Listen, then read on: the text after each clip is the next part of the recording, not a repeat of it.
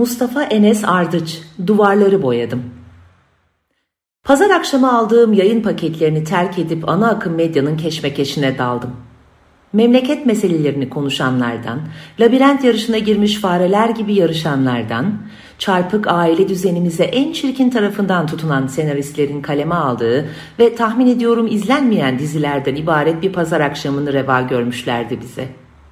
Bu mecrayı iyi ki terk etmişim dedim içten içe ve o esnada bir filme rastladım. Esasen birkaç dakika sonra seneler önce izlediğim bir film olduğunu anladım ama keşiflere karşı erindiğimden olsa gerek sonunu bildiğim filmi izlemeye devam ettim. Patronuna res çeken Rebecca'yı sanki ilk seferinde seyretmemiş miydim diye geçirdim aklımdan. Herhalde iş yerimdeki sorunlardan ötürü algımdaki seçiciliğe takıldı bu oyun. Filmi yeniden izlemek okunmuş bir kitap gibi iyi geldi bana.'' Evimi yeniden ev yapmaya karar verdiğim zaman çapraz yatarım diye aldığım çift kişilik yataktansa her akşam olduğu gibi kutu kadar salonumda kanepeme konuşlanmış semiriyorum şimdi. Yattığım zaman kanepemin yüksekte olan sırt dayama kısmına muntazam anda sol bacağımı atıyorum. Kumanda karnımın üzerinde sağ elimse atletimden içeri girer ve kaşınmamasına rağmen göğsümü kaşır. Bu konfor benim için lüksten ala lükstür işte. Yine böyle keyifli anlar yaşadıktan sonra kanepemde uyuyakalmışım. Sabah alarm çalmadan uyandım ve işe gitmeden önce her zaman yaptığım gibi banyoya gidip duşumu aldım. Duştan çıkınca bornoz giymenin beni ıslak bırakmasına sitem etmeme rağmen neden onca para döküp bornoz aldığımı düşündüm. Yazın gittiğim otelden çaldığım havluyla kurulandım. Bornoz asılı durduğu yerden aşağılar gibi bakıyordu bana sanki. Şimdiye kadar hiç elimle silmedim aynadaki buharı zira bu annemden kalan tembihlerden olacak. Saç kurutma makinesiyle önce aynanın buharını aldım sonra da saçlarımı kuruttum. Günaydın'ın yanındaki prizde takılı olmasa onu hayatta bulunduğu çekmeceden çıkartıp kullanmazdım. Bir eşyayı bir yerden çıkarttıysam tekrar yerine koymalıyım çünkü. Aç karnına dişlerimi de fırçaladım. Öpüşme ihtimalimin olmamasına rağmen sabahları insanların ağız kokusu tasvir edilen gayya kuyuları gibi kokar. Kokmaktan hep korkmuşumdur. Kokacaksam en fazla sigara kokmalıyım ben. O da birbirine karıştığında daha güzel kokan bir parfümle birlikte olmalı. Duştan sonra genellikle bir durgunluk çöker üzerime. Yine öyle oldu. Salondaki koltuğa, polar pikeme baktım. Canım pikem diye geçirdim aklımdan. Koltuğa oturdum, bir sigara yaktım. Sigara biterken uyku yeniden gelip yerleşti göz kapaklarıma. Şehir bir siyasetçinin marifetiyle ayarlanan saatlere teslim olmuş, hava dokuzdan önce aydınlanmadığından hala gece gibi karanlıktı. Bir taraftan ona kızarken uyu vermişim. Sesini unuttuğum kapı zilimin çalmasıyla uyandım. Bir süre bekledim. Üst komşunun kapısı mıydı acaba bu çalan? Tekrar bastı zile. Sahiden benim kapımda çalınan. Saate baktım. İşe geç kalmıştım. Pek de mühim değildi. Rebecca'nın etkisiyle kapıya gittim. Adeseden bakınca gelinin postacı olduğunu gördüm. Aman efendim ne büyük şeref. Posta gelmiş. Ne getirmiş acaba? Kapıyı açtım. Postacı da tam gitmeye yeltenmişti. Abi tam gidiyordum ben de postanız var. Günaydın. Posta teşkilatı kapıya kadar zarf getiriyor mu hala? Bize göre gereksiz şu zarf mektup işi de hala mektuplaşan 3-5 kişi var işte abi.'' Gelenin bir mektup olduğunu duyunca iyiden iyiye açıldı uykum. Teşekkür edip mektubu aldım. Kapıyı kapatıp termosuma demlediğim kahvemi bir bardağa böldüm. Sırtımı kaşımak için kullandığım artık işlevini yitirmiş zarf açacağını buldum kanepenin arasında. Zarf açacağı kaybolmasın diye kanepenin arasında sıkıştırırım da onu ben.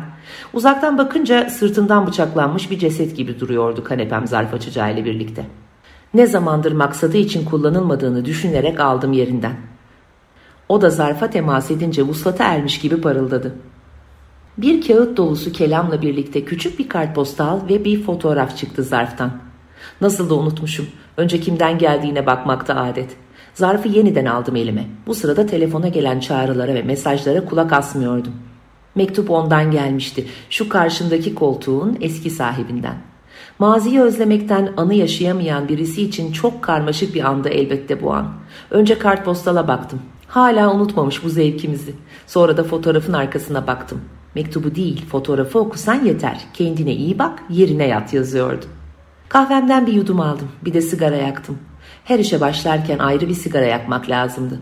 Fotoğraf için makinesini tripoduna koymuş, ardında sahipsiz iki bank, bankların ardında hazana maruz kalmış çıplak ağaçlar ve bir göl.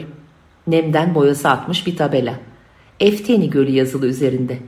Bankların ortasında kiremit rengi beresi, kaşkolü, hazan sarısı kabanı, yeşil pantolonu ve kahverengi botlarıyla ödüllü bir kompozisyon gibi de kendisi duruyordu. Elinde de deklanşör kumandası ve bir sigara vardı. Efteni Gölü için Google'da bir arama yaptım. Düzce'deymiş. Ankara'dan Düzce'ye nasıl yapsam da gitsem hemen. Kafamı kaşıdım hırsla. Düşünürken kaşınırım ben. Benden etkilenmiş olacak Babür de kanatlarını açıp pençesiyle pirelendi kaşındı. Seri ve bol tekrarlı kaşınan kuşa bakıp onun gibi kaşınmaya çalıştım ama ona yetişmem neredeyse imkansızdı. Zarfı ve muhteviyatını masada bıraktım. Zarf açacağını bir adama saplar gibi sapladım kanepeye ve evden çıkıp işe gittim. O günden sonra bir hafta boyunca mektubu elime alamadım. Pazartesiyle başlayan kaos haftası nihayet cuma gününe atmıştı kendisini ve beni. Bense her gün Efteni Gölü'nü, göle çöken sisi ve pastel renkleri yakıştırıp önünde poz veren haftalık zihin uğraşımı düşünüyordum. Cuma akşamı evde tasarruf edip saçma sapan bir yemek yapmak yerine dışarıdan bir şeyler yedim ve eve geldim. Evde yine kendimle beraberdim. Kendim bana seslendi. Ah bir ateş ver, cigaramı yakayım, cigaramı yakayım. Sigara yak, sigara, en temizi. Sigaramı yaktırdım kendime. Kendisiyle karşılaşmayalı beş gün oluyor. Normalde sabahları duştan sonra aynada merhabalaşırız. Tek başınalığın ekstrası bu saçmalıklar. Sallama çayımı da aldıktan sonra mektubu okudum. Okurken terlemeye başlamıştım bile. Sallama çaydan dışarı sarkan ip bile kötü şeyler yapmaya davet eder gibiydi beni. Mektubu okuyordum ama zihnimden de sen gittin gideli çayı sallama içiyorum, bitiremiyorum demlikte demlediğim çayı, gözüm karşımdaki koltukta, ataman yapılmıyor diye ne kadar sövmüştük oysa ki. Senin atama işin bizim bitiş çizgimiz olmuştu. Annenin ördüğü yeleği götürmeyi unuttuğun için onu koymuştum karşı kanepeye. Orada duruyor gittiğinden beri diyerek başlamıştım içimi dökmeye. Kahkahalarımız nasıl da adım adım düşmüştü, gülüşlerimizin rengi solmaya başlamıştı duvarlarda. Önce atandığını öğrenmiştik. Salak gibi kutlamıştım bir de o haberi seninle. Bir hafta sonra on güne kadar Düzce'ye gideceğini öğrenmiştik. Eşyalarını toplayamazsın dediğimi hatırlıyorum. Öyle ya hafta sonları çıkar çıkar gelirsin diye düşünüyordum. Sonrası yokuş aşağı geldi zaten. Şu tepelerden dolu dizgin koşturan atlar misali benzetmesi var ya tam da öyle oldu işte. Önce jübile konuşmanı yaptın. Koltuğunun orta yerine oturmamıştın hiç daha önce. Bu sıra dışılık bile belli etmişti aslında avuçlarımdan kayıp gidiyor olduğunu. Normalde sigara içmezdin. O gün benim paketimden aldığım bir sigarayı yakmanla birlikte yek vücut olmuş beraberliğimizi zehirleyeceğini resmetmiştin. Anlamıştım. Sanki eşli bir oyun oynuyormuşuz gibi anlattın gidişinin dönmemek üzere olduğunu. Söylenmemesi gereken kelimeler için elimde havalı bir düdük varmışçasına beklemiştim ağzından çıkan sözcükleri. Bana yardım edecek misin? Ederim tabii. Ne yardımı peki?'' Kitaplarımı toplamalıyım önce.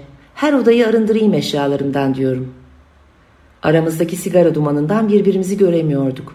Peş peşe yaktığın sigaraların dumanlarıyla yüzünü perdeliyordun. Böyle konuşmak daha kolay oluyordu sanırım. Göz göze gelemiyorduk bir türlü. Eşyalarımı toparlayıp göndereceğim. Selfie karşılayacak orada. Ben de birkaç gün erkenden gider ev tutarım. Bir şeyler söylemem hiçbir şeyi değiştirmeyecekti. Filmlerdeki gibi olmuyordu zaten hiçbir şey. Kapı çalmış, apartman görevlisi ısmarladığın boş kolileri getirmişti. Haddini aşarak benim sevdiğim birkaç kitabı da eklemiştim koline. Sesimi çıkartamamıştım.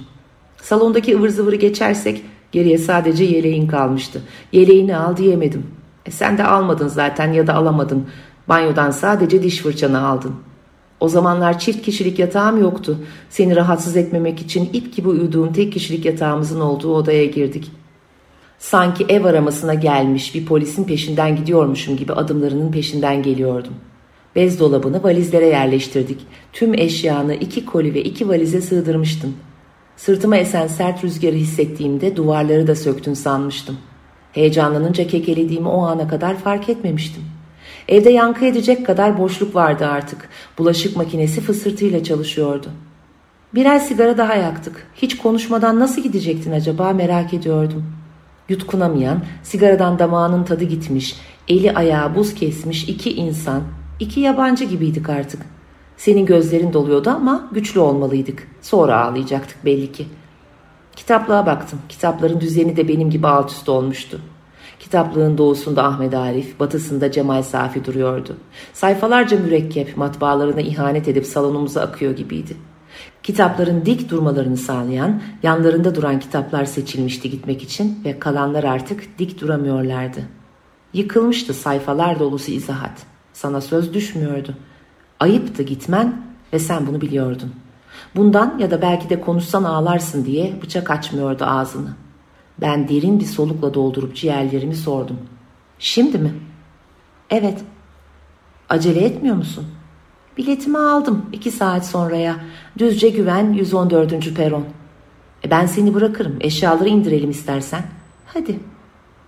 Arabaya sığdırdın koca evi. Gidene kadar hiç konuşmadık. Aşti'den de zaten oldum olası nefret etmişimdir. Pantolonun ağıyla oynaşan valizcilerden birisini el ettim. Yükledi el arabasına eşyalarını. Adam önümüzden hızlı hızlı yürüyordu. Sanki bir an önce yaşansın ve bitsin istermiş gibi. Otobüse binmeden önce kaç tane sigara içersen iç, bindiğinde canın yine sigara içmek isteyecekti. Birlikte bir sigara daha içtik. Eşyalarını yerleştirdiler. Ararım varınca mesaj atsam daha iyi olur sanırım. Karşımda başın öne eğik duruyordun.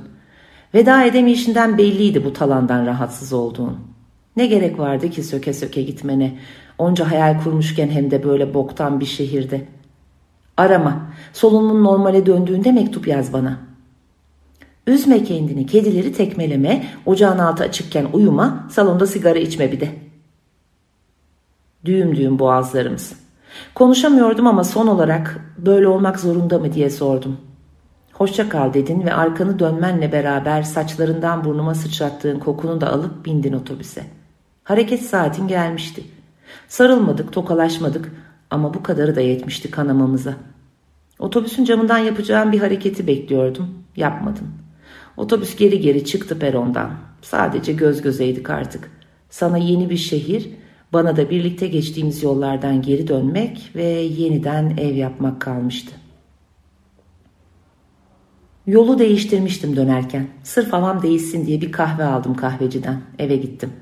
Park ederken arabayı tosladım duvara. Asansörden üç yerine dördüncü kata inmişim ve emekli albayın kapısını açmaya çalışmışım. Eve girdiğimi ve kendi evime yabancı olduğumu hatırlıyorum. Satılmış, yıkılmıştım. Soluğun normalleşene kadar bir sene geçmiş olacak ki şimdi göndermişsin mektubunu. İkinci defa okuduğumda fark ettim soluğunun normalleşmediğini. Üçüncü paragrafın sonuna iliştirmişsin cilveli bir hat yazımıyla. Soluyamıyorum. Ne dersin? Yeniden? Bir buçuk senedir kullanmadığım fotoğraf makinemi kurup bir fotoğraf çekerek cevap yazmalıydım sana. Öyle de yaptım.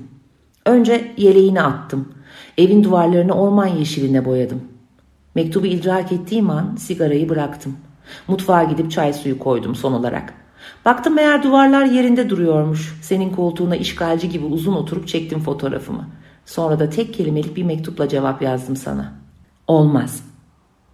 Bağışıklık kazandığım bir hastalığa yenik düşmem imkansızdı çünkü.''